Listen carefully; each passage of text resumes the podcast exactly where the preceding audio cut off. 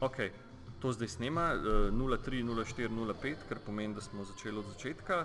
Um, prvi poskusni test uh, podcasta Državljan D, uh, v katerem se bomo pogovarjali o zadevah, ki so pomembne za državljane in hkrati svetovali državljanom, kako se na te zadeve odzvati. V prvem testnem nulti verziji podcasta se bomo pogovarjali, oziroma se pogovarjamo z Dušanom Cafom, um, ki se v bistvu fokusira, oziroma mož velikih talentov, ampak tukaj ga imamo zaradi tega, ker se ukvarja z neutralnostjo interneta oziroma net neutralityjem. Um, zdaj, mogoče prvo vprašanje. Um, ne vem, zakaj se glede net neutralityja ravno zdaj, ravno tukaj tako razburjamo, oziroma zakaj je ta tema vredna pač tolikšnih debat, tolikšnih uh, medijskih pokrivanj in, in tolikšnih razprav, če ne drugega, tudi v. v na nivoju recimo državnih organov. Neutralnost interneta je aktualna zaradi tega, ker se razprave o njej odvijajo v Združenih državah Amerike, Evropski uniji in pa v Sloveniji sočasno. Ne. Zdaj, so različni razlogi. Ne. Zdaj, v ZDA ne, zato, ker so uzakonili neutralnost, ki je padla na sodišču in zdaj postavljajo no, novo regulativo na tem področju. In seveda so potem pritiski enih in drugih in tretjih veliki, uh, me, medijski pritiski, potem politični, uh, razprave, številne, strokovne, znanstvene. In uh, seveda se predvsej pozornosti posveča preko Atlantika uh, tej teme, ne? v Evropski uniji pa tudi zato, ne? ker tudi Evropa se zaveda, da je to področje pomembno, uh, nekako ga je nakazala v prejšnjem regulativnem paketu, okvirnem paketu uh, regulative za elektronske komunikacije. Uh, kasneje pa ga je hotla uzakoniti z uredbo o enotnem digitalnem trgu, uh mhm. -huh. ki je bila lansko leto deležna prvega branja, oziroma je bila uh, v prvem branju v Evropskem parlamentu in v tistem času, ne, oziroma že prej, no, ko se je pripravljala, je bilo precej razprave o tem, tudi seveda v Evropi so bili pritiski razno razni. Ko pa je uredba prišla v Evropski parlament, pa je potem uh, nastopila neka neko širša razprava, se je pojavila o, o tej temi. Uh -huh. uh, zdaj v Sloveniji smo pa uh, pred leti neutralnost interneta uzakonili, uh, aktualna, potem je bilo vse tiho nekaj časa, ne, seveda.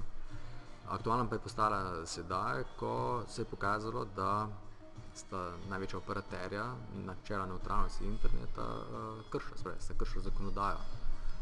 In uh, ker je bil sprožen postopek preverjanja te kršitve in ker je bila ravno zdaj izdana odločba, ne, seveda je tekla uh, razprava o tem, bi so prej in pa potem. Ne, to, zaradi tega uh mhm. -huh. smo sedaj tudi v Sloveniji deležni te razprave. Ne, zdaj, drugače v Sloveniji uh, te razprave prej ni bilo toliko bom rekel, uh, aktualna. Mogoče, ja, Očitno se o zakonih eh, razpravlja takrat, ko se kršijo. Uh, zdaj, če, greva, če greva pogledat, kaj je v bistvu sploh smisel ali pa za, zakaj je v bistvu, kaj je, smi, kaj je poanta neutralnosti interneta, kaj, pred kom je internet neutralen. Ja, zdaj, z vidika uporabnika je uh, mogoče uporabnik sam toliko ne čuti te neutralnosti interneta, uh, te prvobitne neutralnosti interneta. Zdaj, ta prvobitna neutralnost interneta je načelo uh, neutralnosti, ki je ugrajeno v sam sistem interneta, uh, ki je neka platforma, nek protokol za komuniciranje preko uh, komunikacijskih omrežij, ki je bil ločen oziroma ki zagotavlja ločitev od fizičnega nivoja, skratka žic uh, in drugih medijev, preko katerih se prenašajo signali, ne, oziroma komunikacija, in uh, od aplikacij, ki so se v bistvu prenašale, ne, ali pa storitev, uh mhm. -huh. ki so se preko tega protokola prenašale. Um, Seveda to je neko načelo, ki je bilo vgrajeno v neutralnost interneta. Zdaj, sami uporabniki v bistvu tega na ta način ne čutijo, ne, ampak kako se pa to pozna pri uporabnikih? Ne? To se pozna pa uh, Tako da, če načelo neutralnosti interneta, nekako, oziroma do, do zdaj je to veljalo, ne, če je internet, oziroma ker je bil neutralen, se je industrija zelo hitro razvijala in tudi se recimo um, tradicionalne telekomunikacije uh, so se razvijale vrsto let, uh, ampak počasi. Uh -huh. Ko pa je recimo v ta svet vstopil internet, se je pa razvoj zelo hitro, uh, skokovito se je povečal, ne? začeli so se pojavljati nove, nove dejavnosti, no, novi igravci so stopili na trg. In to je ravno zaradi tega, ker je bil neutralen internet. Ne? Internet uh, je bil pa neutralen, oziroma to načelo neutralnosti pomeni, da so lahko ljudje, recimo, če pogledamo, uh, kaj se je dogajalo, ne? ko so se recimo, vem, komunikacije pojavile, recimo je zginila ta razdalja, uh, recimo pa, pa čas, ne? ampak uh -huh. tu, tu se je še ena stvar pojavila z, z internetom da si lahko naenkrat komuniciral s komerkoli na svetu. Ne? In to ravno zaradi tega, ker je to načelo neutralnosti interneta vgrajeno v, v sistem, spravi, komunikacija od enega konca do drugega konca omrežja, ampak temeljilo je pa hkrati z vidika uporabnikov še na eni drugi zadeve, ne? da so vsi akteri, ki so na internetu nastopali, plačevali samo za svoj dostop. Uh -huh. Spravi, da ni bilo tega načela iz sveta telekomunikacij, ko si moral drago plačati, da si lahko klisal na kamenske otoke, uh -huh. ampak zdaj lahko dostopaš recimo, do nekega strežnika na, na nekih, ne vem, ne kamenskih, na nekih drugih otokih. Ne? recimo lahko dostopaš uh, samo s tem, da plačaš dostop do interneta svojemu lokalnemu ponudniku. Uh -huh. In, ja, kar bo. Ne, in, in potem pač uh, zadeva za uporabnike uh, zelo poceni. In ravno zaradi teh načel, no, vseh je verjetno še več, ne, oziroma načel značilnosti, se je internet zelo hitro razvil. Uh mhm. -huh. Tako da uporabniki so to uh, čutili v bistvu na eni strani po lahkotnosti dostopa do novih storitev, do informacij v spletu, na drugi strani se je pa skokovito je naraščalo, se je povečalo število raznih storitev, informacij, ne, ki se dnevno skokovito raste. Ne. In to ravno, ravno zaradi tega. Ne. V svetu telekomunikacij prej ne, je bilo to drugačno, tam je zelo počasi se vse razvijalo. Uh mhm. -huh. to, če bi uh, gledali skozi zgodovino, ne, bi videli, da se je trg odpiral tam ne, desetletja. Ne, uh, z nekimi malimi koraki se je začel z, z današnjega vidika z absurdnimi. Ne, in so bile težke pravne bitke za to, da so lahko ne vem, na neko telefonsko napravo, na neko slušalko namestili.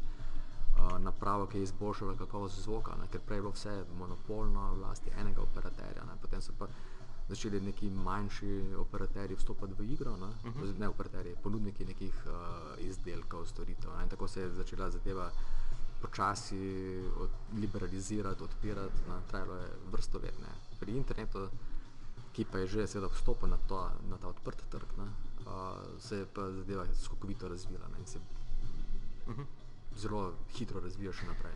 Zdaj, če primerjamo vem, zgodovino ne, in gledamo v bistvu vlogo telekomov, bi, bi ugotovili neko, neko hecno diskrepanco, ne, zato ker so bili telekomi v bistvu na začetku eni glavni promotori tega interneta oziroma dostopa do interneta. Ne.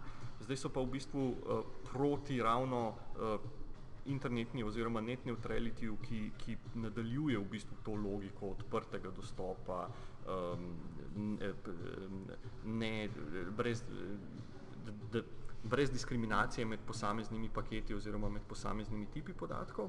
Ne, in temu zdaj isti recimo operaterji, ki so prej promovirali ravno to, ne, odprt dostop za vse internet, pridite k nam, pa temu nasprotujejo. Zdaj, kaj se je vmes spremenilo oziroma zakaj so kar naenkrat operaterji proti um, takemu načinu um, recimo percepcije interneta.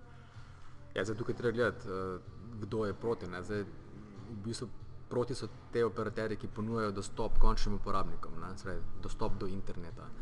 Uh, prej so to gledali verjetno kot neko priložnost za dodaten zaslužek, ker pač ne, prej so ponujali samo telefonske storitve, pol se pa lahko ponudi še nek široko poslovni dostop, uh, nek nov priključek, ki so ga zaračunavali in še potem dostop do interneta, ki so ga posebej zaračunavali. Ne, in je to bil nek uh, prihodek, ki se mi je zdel super ne, in so ga zato spodbujali, da bi čim več ljudi uh, v bistvu kupilo te priključke, uh, dostopilo do interneta, mogoče da bi imeli čim večje poslovne širine, da bi ne, še več zaračunali. Uh mhm. -huh. In takrat je bilo to ok. Ne.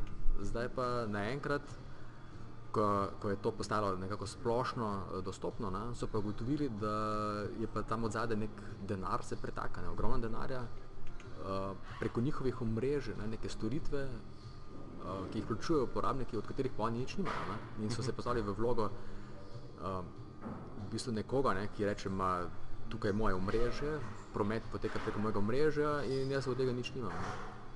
Se pravi, uh, proti net neutralityju so zaradi tega, ker si ne znajo zmisliti boljšega uh, poslovnega modela, s katerim bi zaslužili še več denarja. Ja, zdaj je težko s tem osnovnim dostopom, ne, sem, ko, se, uh, ko je ta dostop postal nekako splošno uh, razširjen. Ne, uh, zdaj težko tukaj služijo, ne, ker služijo lahko samo, če lahko cene povišajo, recimo zdaj, ne, v tem okviru, ampak ker se, ker se je konkurenca vzpostavila, ker so različna omrežja, uh, imamo kabelska, recimo v Sloveniji omrežja, fiksna mobilna omrežja ne, in več ponudnikov, seveda ne moreš cen poviševati, ne razen če bi bil nek ne, kartel. Ne. Uh mhm. -huh. In potem seveda se postavi vprašanje, kako lahko pa več zaslužiš iz tega. Ne? In uh, seveda, če ne moreš cen poviševati, ne, oziroma cene se celo znižujejo, ne, potem lahko samo tako, da vstopiš v te segmente, storitev, ki se ponujajo preko interneta in prav to je zdaj ta bitka. Ne? Operaterji hočejo zaslužiti tudi s tem biznisom, ne? ki je uh, na osnovnih storitvah dostopa do interneta. Ne? Ampak kako gre to skupaj? Ne? Na eni strani hočejo zaslužiti, na drugi strani vidimo, da v bistvu ponujajo neke pakete oziroma znotraj paketov neke brezplačne storitve. Kako služiš z brezplačnostjo? ja, no, to, je, to je zdaj vprašanje, zakaj je to. Uh, ponujejo. Uh, tukaj se vidi, da, da je ta situacija malenkost šizofrena, ne, ne samo strani potrošnikov, ampak tudi z njihove strani. Ne. Zdaj oni razlagajo, da uh, to ponujajo zato, da bi povečali uh, zanimanje potrošnikov za storitve. Na drugi strani se pa sprašujemo, uh, pač tisti, ki to spremljamo in seveda tudi moče potrošniki, če nekdo dobi uh, desetkrat ali pa stokrat več podatkov za ston, zakaj je potem osnovni dostop tako drag? Zdaj, če bi operaterji dostop ponujali ceneje, bi uh, potrošniki več uporabljali storitve ne? in potem bi bili vsi zadovoljni. Ne? Ampak očitno ni tako. Zdaj, uh, tukaj je namen, ne? da operaterji z nekimi poslovnimi modeli uh, pridejo do dodatnih storitev. Nekako navadijo potrošnike, da več uporabljajo te storitve, Na drugi strani pa njihov motiv sigurno ni, da vem, prostovoljno nižajo cene. Uh mhm. -huh. Srej, cene se ne nižajo prostovoljno, ampak se znižajo na osnovi konkurence ali pa nekega drugega interesa. Ne? Za ta interes tukaj mora biti uh, vzpostavljen, oziroma konkurenca mora biti dovolj močna, da se to zgodi. Uh mhm. -huh. Kaj je slaba stran, če, če net neutralitija ne bomo uh, realizirali v, v, v njegovem polnem potencialu, če temu tako rečemo, oziroma če bomo podlegli tej logiki operaterjev, ki bi radi ponujali neke specifične storitve znotraj nekih paketov, oziroma bi prioritizirali promet? Kaj je najhujši scenarij? Ja, najhujši scenarij je to, da recimo. Uh, to se tudi dogaja, že zdaj, čeprav ni mogoče namen prvobitni ta, ampak posledica pa je. Uh, recimo v revnih državah, ker je internet, dostop do inter, interneta drag, tam nekateri uh, ponudniki storitev, kot sta Facebook, Google, pa tudi recimo Wikipedia, ponujajo dostop do svojih storitev za ston, se pravi, neke dogovore z mobilnimi operaterji in uh, za uporabnike je ta dostop za ston, ampak oni lahko za ston dostopajo samo do te storitve. Spravi, za njih je internet Facebook ne? in oni sploh ne vejo, da je, da, je, recimo, da, da, da je to internet, oziroma da za tem Facebookom obstaja še nek internet. Ne? In seveda internet je bistveno več kot pa Facebook. Uh -huh. uh, no, v nekem skrajnem primeru bi se to lahko zgodilo, da bi recimo dobri operaterji ne, čez nekaj let uh, za nas izbirali storitve, ki jih hočemo gledati. Uh, izbrali bi nam um, vem, glasbene storitve, bančne storitve, uh, TV programe. Ne. V bistvu gre za nek, če rečemo temu, ultimativni filter bubble oziroma neko zaprtje, vendor locking na nivoju vsebinskega. Ja, zdaj, recimo, če pogledamo internet zdaj, kakšen je zdaj, ne, lahko uporabnik uh, gre na internet, si izbere storitev, uh, in gleda, kar hoče. Zdaj, neke fizične omejitve so glede prenosa, ampak v osnovi lahko gleda, kar hoče, lahko surfa, kjer hoče. Uh -huh. uh, če pa bi recimo neutralnost interneta uh, zginila, ne, bi pa potem operaterji, ne so nas odločili to, kaj lahko gledamo, po kakšni ceni lahko gledamo. Uh, to bi imelo seveda omejitve na na, našo svobodo, recimo te internetne svoboščine uh, z vidika dostopa, ne, pa tudi uh, bi se potem kasneje prenesel na, na druge segmente, ne, v svobodo izražanja uh -huh. uh, in, in recimo v razvoj aplikacij. Ne, ker bi tudi, uh, če bi operaterji izbirali, kaj lahko gledamo, ne, bi se potem tudi nabor aplikacij omejil ne, in potem bi bil tudi interes uh, razvijalcev novih aplikacij, ne, novih storitev manjši. manjši. Uh -huh. Ker bi recimo teže vstopali v ta prostor, ker, ker bi morali za dostop plačati. Pravi, morali bi neko pogodbo skleniti z operaterjem, da bi lahko ponudili svoje storitve, ne? kar pa mm. nikakor ni namen. Ne? Eh, svet bi se spremenil v bistvu v eno kategorijo na iTunesih. Oziroma, cel internet bi bil pokategoriziran po, po petih kategorijah znotraj neke tržnice določenih operaterjev. Ja, to je dobra primerjava. No? Uh, po mojem so se zgledovali po tej storitvi. um, Na eni strani imamo zdaj operaterje oziroma uh, zagovornike, uh, nasprotnike net neutrality, na, na drugi strani imamo javno družbo posameznika, ki mu je v bistvu ta um, net neutrality v interesu. Kaj lahko kot posameznik naredimo oziroma kaj lahko ljudje naredimo, da bo, da bo internetna neutralnost še dolgo živela in bila srečna pri nas in v svetu? Kam naj, kam naj se obrnemo, komu naj pišemo, koga ne opozorimo na to, da ne bo pozoren na te zadeve, oziroma da naj se o tem ne odloča na, na nekem uh, ne vem, odboru za, za kmetijstvo, kot je bila recimo akta. Ja, zdaj, uh, mogoče bi samo za trenutek se nazaj vrnil. Uh, tukaj treba ločiti med tem neutralnim internetom na fiksnih in mobilnih omrežjih, ker je razlika. Okay. Zdaj, če ljudje mislijo, da je recimo, na, na fiksnem omrežju problem, zdaj pri nas tega problema v glavnem ni. Ne. Problemi so na mobilnih omrežjih, ampak uh, internet postaja vse bolj mobilen. Ne. Ljudje uporabljamo internet uh, praktično kjerkoli, kadarkoli ne.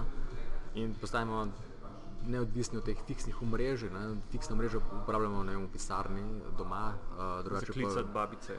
Ja, drugače pa vse bolj uh, mobilno. Ne. Tako da v bistvu je ta, je ta problem. Ne.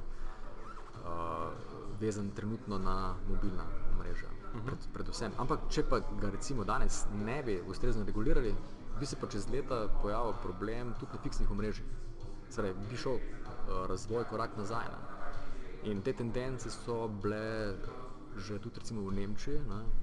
uh, kjer je njihov operater Deutsche Telekom uh, skušal omejiti uh, prenos podatkov na fiksnih omrežjih, pa je potem recimo, poseglo ustavno sodišče in je te njegove uh, ideje nekako zatrlo začasno, ne, ampak uh mhm. -huh. verjetno bi se ali pa se bodo ponovno pojavili ti pritiski. Uh mhm. -huh. Zdaj, kaj lahko uporabniki naredimo? Uh, zadeva je zelo komplicirana z vidika uporabnika, ne, ker po mojem uh, najprej imajo problem s prepoznavanjem teh problemov. Ne, na drugi strani pa tudi sistema ne poznajo, kako, kako to deluje. Ne? Zato mislim, da bi morali najprej na ravni uh, države bi morali doseči, da bi bili ti procesi bolj pregledni za potrošnike, za državljane, da bi lahko v njih sploh sodelovali. Ne? Danes v teh procesih državljani uh, težko sodelujejo, zato ker so popolnoma nepregledni. Ne? Zdaj, nepregledni so z vidika tega, da, da se ne objavljajo informacije v medijih, tudi na internetu ni vse objavljeno. Uh, potem pa tudi sam postopek, kako se te dokumenti uh, oblikujejo, kako teče javna razprava, so popolnoma nepregledne. Ne? Tako da za enega državljana je ne mogoče danes uh, sodelovati v teh razpravah. Ne? Tako da, če hočejo sodelovati, oziroma če hočemo, da uporabniki, državljani, potrošniki sodelujejo, v razpravah je treba stremiti zakonodajo, eh, nekako prisiliti državne organe, regulatorje, da uh, so bolj transparentni, bolj pregledni. To je, to je en vidik. Ne. Potem, ko dosežemo to transparentnost, ne, je, je treba seveda zagotoviti tudi neke inštitucije, uh, oziroma ne, organizacije civilne družbe, ki bodo organizirale interese državljanov, ker danes imamo samo Zveza potrošnikov Slovenije, ne, pa nekaj poskusov uh, organizirane civilne družbe, ki pa so zaenkrat z nekimi omejenimi uh, uspehi. Recimo v primeru akte, ne, pač poznamo, ne, je bila ta civilna pobuda tudi Slovenija zelo močna. Uh mhm. -huh. Tud, lahko bi rekel, da zdaj v, v primeru neutralnosti interneta je tudi ta inicijativa uh, dosegla svoj namen, ne, ampak vsekakor je treba zagotoviti neko večjo aktivnost na tem segmentu. Uh -huh. uh, poleg pritiska recimo, po večji transparentnosti, pa to očitno uh, mislim, se mi zdi, da je to v bistvu stvar, ki bi mogla zanimati in nevladne organizacije in v bistvu recimo poslance oziroma parlament. Ne? Na kaj treba biti še pozoren, recimo konkretno pri, pri net neutrality? Kaj se bo zdaj recimo naslednja stvar, ki se bo zgodila v, v, v Sloveniji na, na tem področju? Ja, zdaj oba operaterja morata v roku 60 dni po prejemu odločbe, to je nekje, če se ne motim, do konca marca, morata prenehati s ponujanjem spornih storitev, s temi, s katerimi ste kršili zakonodajo. Zdaj, naslednja stvar, ki se bo pojavila, je to, ali so bile v tej odločbi zajete vse storitve ali ne. ne. Sprej, javnost bo morala biti pozorna na to, ali so dejansko vse te sporne storitve kako bile zajete s tobima odločbama, ki sta jih prijela Simobil in Telekom Slovenije. Če ne, pa seveda treba postopke nadaljevati na, z nekim z, nov, z novim pozivom regulatorjev, da zadeve preučijo. Hvala lepa. Uh, to je bil testni državljan D. Uh, upam, da ste izvedeli kaj koristnega. Če vas zanima še kaj, pogooglajte.